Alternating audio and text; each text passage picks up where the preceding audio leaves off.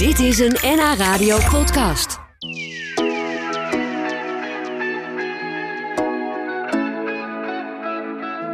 De kerstdagen staan voor de deur. Dat betekent voor veel mensen gezellig met de familie onder de kerstboom cadeautjes uitpakken en de dag afsluiten met een avondje gourmetten.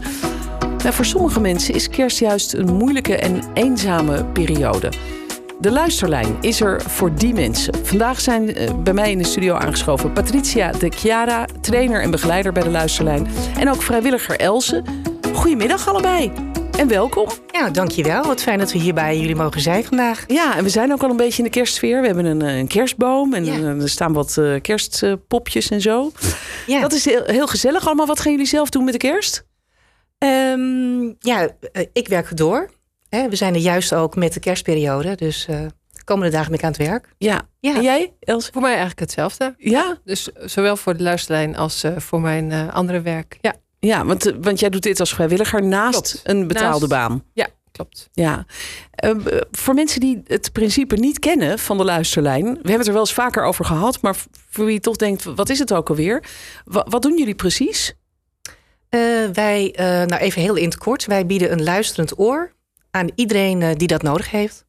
Op dat moment. Ja, en, en dat kan zijn eh, de- gewoon een, iemand die belt omdat hij eenzaam is. Of ook een leuk verhaal deelt. Ja, beide. Ja? Er bellen mensen op eh, met allerlei soorten onderwerpen. Mensen die die dag zelf nog niemand gesproken hebben. En bijvoorbeeld even de dag willen doornemen. Eh, maar mensen ook die een nieuwe baan hebben en dat op dat moment met niemand kunnen delen. Oh ja? En ons opbellen om, eh, om dat eh, mooie nieuws te vertellen. Oh, gelukkig. Dus, Dus eh, iedereen is- is welkom. ja, dus het is ook wel eens gewoon heel vrolijk het gesprek wat je, wat je voert. Ja, zeker. Nee, het zijn eh, helemaal niet alleen maar serieuze gesprekken. Oh, nou wat heerlijk. Ja, ik weet, je had vroeger de, de kindertelefoon ook. Die is er volgens mij nog steeds. Zeker, ja. Ja. daar was ook echt de bedoeling voor kinderen. Van nou, je kan problemen bespreken. Maar ook als je gewoon een leuke mop wil vertellen. Ja. Dat is, nu, nu weet ik niet of wij er echt, echt voor de grappen en groeven Nee. zijn. Hè? We zijn Nee. natuurlijk wel ook met een duidelijke reden. Maar, eh, maar ook voor vrolijk nieuws eh, ben je bij ons, eh, kun je bij ons terecht. ja, en jullie Ja. werken dus de, de hele kerst door. Ehm, hebben jullie het ook inderdaad drukker met, de met, de, met de feestdagen in het zicht? De donkere dagen voor kerst? Ja, het is ook vandaag de donkerste dag hè, van Ja. het jaar. De kortste dag, eh, Ja. 21 december. Ehm, wat we merken is dat het eigenlijk altijd wel eh, druk is bij de luisterlijn. Er zijn altijd mensen in de wacht. Wij werken zeven dagen in de week, 24 uur eh, per dag... Hè, met eh, 1500 vrijwilligers. Allemaal eh, goed opgeleide vrijwilligers die de telefoon aannemen... of achter de chat zitten. Want Ja. dat doen we ook. Gaan we het zo ook nog over hebben? Ja. ja. Maar is het, is het nu nog drukker dan normaal? Dagen ik denk iets drukker. Ja, ja. Ja. Ja. Ja. Nou, we praten zo nog even verder over ja, hoe, de- hoe dat komt en met wat voor verhalen mensen jullie bellen. Eh, De, de medewerkers van de, van de luisterlijn die zitten ook in de feestdagen dus klaar. En eh, het nummer, dat zal ik ook even noemen. Dat is misschien wel belangrijk voor wie nu al denkt van... oh, dat wil ik wel eens even noteren. Dat is 088 0767 0000. 000. Nee, drie nul aan het einde. Ja. ja, oké, goed. Ik heb hem goed. We horen hem eh, straks nog wel een keer langskomen, denk ik, dat nummer. Want wat zei je nou net, Patricia? Hoeveel eh, vrijwilligers werken er bij de luisterlijn? Eh, we zijn een landelijke organisatie en we hebben ongeveer 1500 vrijwilligers. Zo. Ja. En, en hoeveel gesprekken voeren die in een jaar? Ehm, nou, het totaal aantal gesprekken per dag ligt tussen de eh 800 en de 1000. Per Telefo- dag? Ja, per dag. Ja, Jeetje. ja. Zo zeg. En, en wie bellen er dan bijvoorbeeld? Wat voor mensen zijn dat? Ehm, ja, dat is een goede vraag. Eh, vaak wordt gedacht dat er met name ouderen bellen, die bellen ook. Maar wat wij zien is dat ehm, de mensen die bellen echt tussen de 18 eh, tot en met boven de 80 zijn. Ehm, mannen en vrouwen uit alle lagen van de eh, bevolking. Dus het is heel divers. Ja, Ja. Bijzonder. En, en wat kunnen jullie dan doen als, als ze bellen? Met wat voor verhalen komen ze bij jullie? Eh, ook dat is heel eh, wisselend. Ja, tuurlijk. Ehm, de, de bellen mensen om te vertellen dat eh, hun huisdier ziek is en ze zich zorgen maken. Ehm, dan gaan we met hen in gesprek en vragen door. Ehm, mensen met hele zware problemen, ontslagen op het werk. Mensen die zich zorgen maken over hun energierekening. Maar ook mensen die het leven niet meer zien zitten. Dus het is heel, heel wisselend. Jeetje, dat lijkt me wel heftig. Else, hoe, hoe is dat voor jou? Jij bent een van die vrijwilligers. Jij neemt de telefoon op. Klopt. En je hebt geen idee wat er voor verhaal komt. Nee, dat, is, eh, dat maakt het werk ook heel spannend.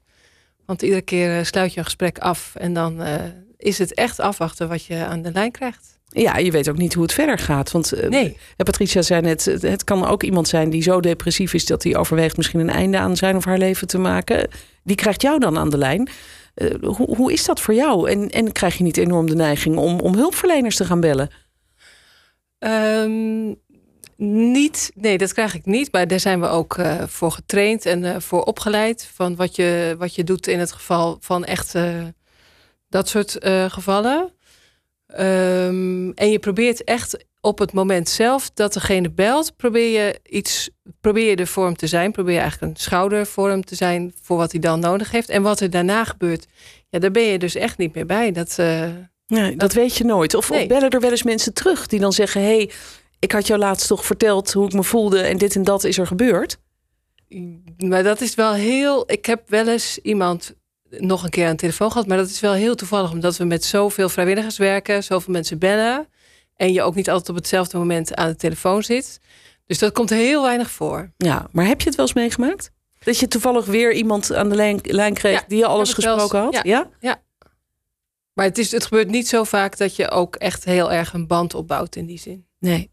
En je mag natuurlijk nooit je eigen telefoonnummer geven. Het gaat altijd via de luisterlijn, Ja. toch? Ja. Ja, Dus maar, je kan ook niet terugbellen of zo of iets. eh, nee, het is echt eh, Ja, van wat- dat moment. en het is dus ook anoniem. Mensen eh, geven hun nummer niet, hoeven hun nummer niet te geven.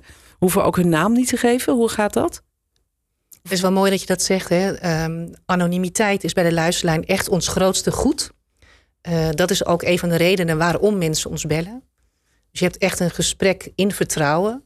Ehm, wij kunnen ook niet doorverbinden of iets dergelijks. We bellen ook niet terug. En ook onze vrijwilligers eh, zijn anoniem. Dus het is echt een gesprek van mens tot mens. In het Ja. moment. Ja. Ja, en vinden mensen het niet fijn als ze een naam aan jou kunnen geven? Dat, dat je bij wijze van spreken eh, een, een valse naam geeft. Dat ze dan in elk geval kunnen zeggen van nou, dag Anna of dag, eh, ja. Dat wordt soms gevraagd. maar ja, zij weten ook dat wij anoniem zijn. Dus Mm. daar, daar is ook meestal wel begrip voor. ja. Ja. Waarom wilde jij dit gaan doen, Else? Eh, het, was, eh, het is eigenlijk een jaar geleden ongeveer, ook rond kerst, dat ik een, eh, een artikel las in Trouw over de luisterlijn. Dat was op het moment dat ik al even om me heen aan het kijken was van, eh, nou, is er ergens iets waar ik iets voor iemand kan betekenen? En ik woon in een klein dorp en ik werk daar ook, dus daar ken ik al veel mensen. Dus ik, nou, daar, ik wilde mijn horizon ook graag verbreden, zeg maar. En toen las ik dat artikel en toen dacht ik, ja, dit, dit zou echt iets voor mij kunnen zijn. Eh, ook dat het anoniem is en dat het eh, heel erg over mensen gaat en hun, eh, ja, toch hun diepste gevoelens die ze met je willen delen. Nou, en mijn horizon is ook daadwerkelijk heel erg verbreed het afgelopen jaar. Ja? Hoe, hoe komt dat vooral? Waar, waar zit hem dat in? Dat je, ja, mensen die je op straat loop je elkaar voorbij. Je weet niet wat er speelt bij mensen. En je ziet heel veel dingen niet aan de buitenkant. Terwijl als je aan de telefoon zit, krijg je toch echt een kijkje in het, in het hart van mensen. Dat- Ik kan me voorstellen dat dat ook wel eens heel heftig is. We hoorden net al van jou, mensen kunnen ook bellen die heel depressief zijn of die echt het leven niet meer zien zitten. Heb jij daar een speciale training voor gehad? Hoe je daarmee om moet gaan? Ja, ja dus eh, ik ben vrijwilliger geworden na die training. En eerst eh, is er een gesprek om. eh, de, alles wordt heel duidelijk eh, voorgesteld hoe het, hoe het gaat zijn. En eh, we hebben een uitgebreide cursus gedaan ook als eh, vrijwilligers. En daarin komen heel veel dingen voorbij. Eh, ja, waardoor je echt goed bent voorbereid op het, eh, op het werk. Dus Ja. Dat is wel belangrijk, denk ik, hè, Patricia? Jij, jij geeft die trainingen. Ja, zeker. Wij Ja. geven die training. Ehm, dus dat is een training van zes tot acht weken. Dat zijn dan wel dagdelen. Mhm. Maar het is een intensieve training. eh, omdat wij eh, onze vrijwilligers goed willen voorbereiden. Het is echt een professionele training die we geven. Ja. Er volgen nog mentordiensten. Dus ze gaan niet meteen zelfstandig aan de slag. Maar met een eh, ervaren vrijwilliger naast hen. Ehm, en daarna laat ik hen als trainer ook niet los. Nee, Eh, blijft erbij betrokken. Jazeker. Ja. Ja. We praten zo nog even verder daarover, wat jij dan doet voor de vrijwilligers. En ja, Else, heb jij misschien ook wel een, een voorbeeld van een, een verhaal wat jou raakte, wat, wat, wat lastig los te laten was? Of misschien ook wel iets heel leuks wat je hebt meegemaakt? Want eh, we hadden het er net al even over, dat klinkt een beetje gek, maar er kan dus soms ook wel wat gelachen worden bij de luisterlijn, toch? Ja hoor. Ja, Absoluut. Goed, nou daar horen we zo dadelijk meer over. Dan ga ik nog even het goede nummer noemen van die luisterlijn. Dat is misschien wel belangrijk, want uh, misschien zitten er nu mensen te luisteren die denken: ja, de komende dagen heb ik misschien ook wel behoefte aan een gesprek met iemand die niet weet wie ik ben, maar uh, waar ik gewoon mijn verhaal kwijt kan. Dat nummer is 088 0767 en dan drie keer 0. Ik praat nog even verder met Patricia en Else van de Luisterlijn. Dat is een lijn speciaal voor mensen die, ja, die hun verhaal kwijt willen. En ik hoorde net al van jullie, dat zijn mensen van jong tot oud eigenlijk.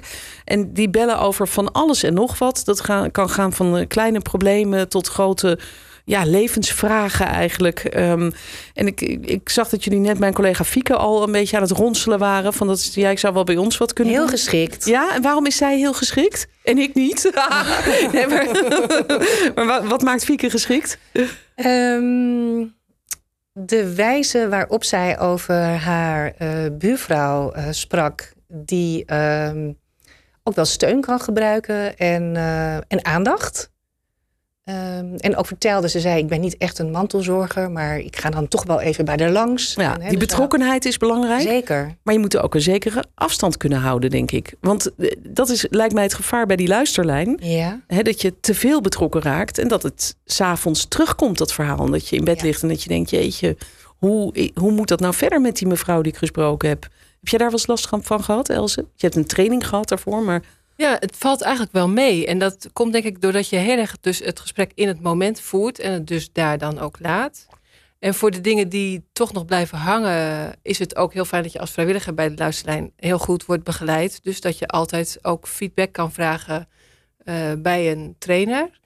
Uh, ook onderling hebben we wel eens contact. Gewoon van ik had uh, zo'n gesprek en wat, wat zou jij doen? Dus dat is wel ja, dat raak je altijd dus wel kwijt op de een of andere manier. Je staat er niet alleen voor. Nee, zeker. Dat is heel belangrijk, denk ja. ik. Ja.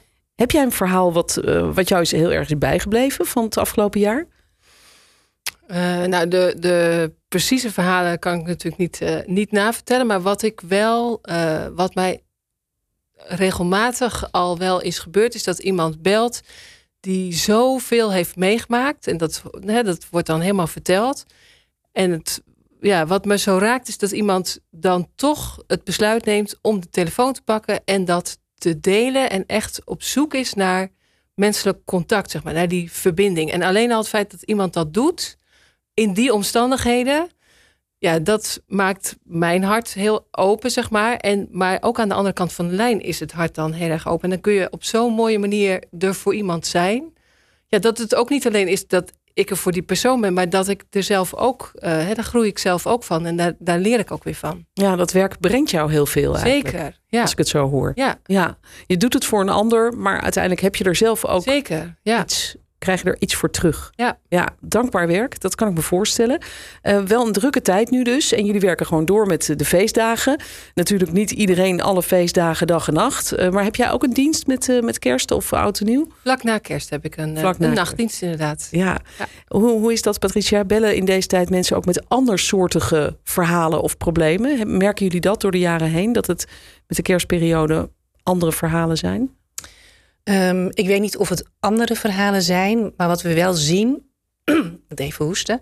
Wat we wel zien is dat um, emoties rondom de uh, feestdagen, de kerstperiode, oud en nieuw, versterkt zijn bij mensen.